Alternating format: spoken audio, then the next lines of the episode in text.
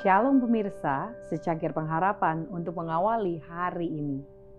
Persekutuan Kristen ditemukan dalam mengasihi satu sama lain. Karena itu, saudara-saudara yang kukasihi dan yang kurindukan, sukacitaku dan mahkotaku, berdirilah juga dengan teguh dalam Tuhan. Hai saudara-saudaraku yang kekasih. Filipi 4 ayat 1 Kristus telah memerintahkan murid-murid yang mula-mula untuk mengasihi satu dengan yang lain, seperti Ia telah mengasihi mereka. Dengan demikian, mereka akan membawa kesaksian kepada dunia bahwa Kristus telah dibentuk di dalam pengharapan akan kemuliaan. Aku memberikan perintah baru untuk kamu. Ia telah mengatakan, yaitu supaya kamu saling mengasihi, sama seperti aku telah mengasihi kamu.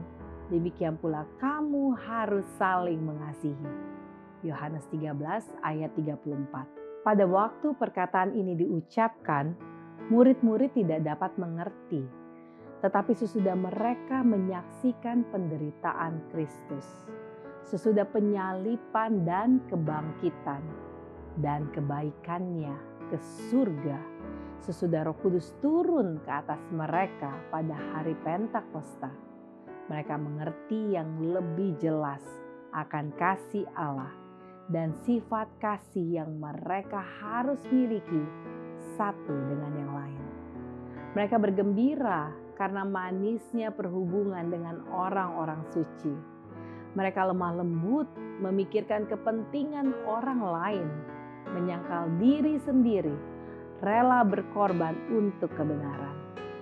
Dalam pergaulan mereka setiap hari satu dengan yang lain, mereka menyatakan kasih yang telah diperintahkan oleh Kristus ke atas mereka.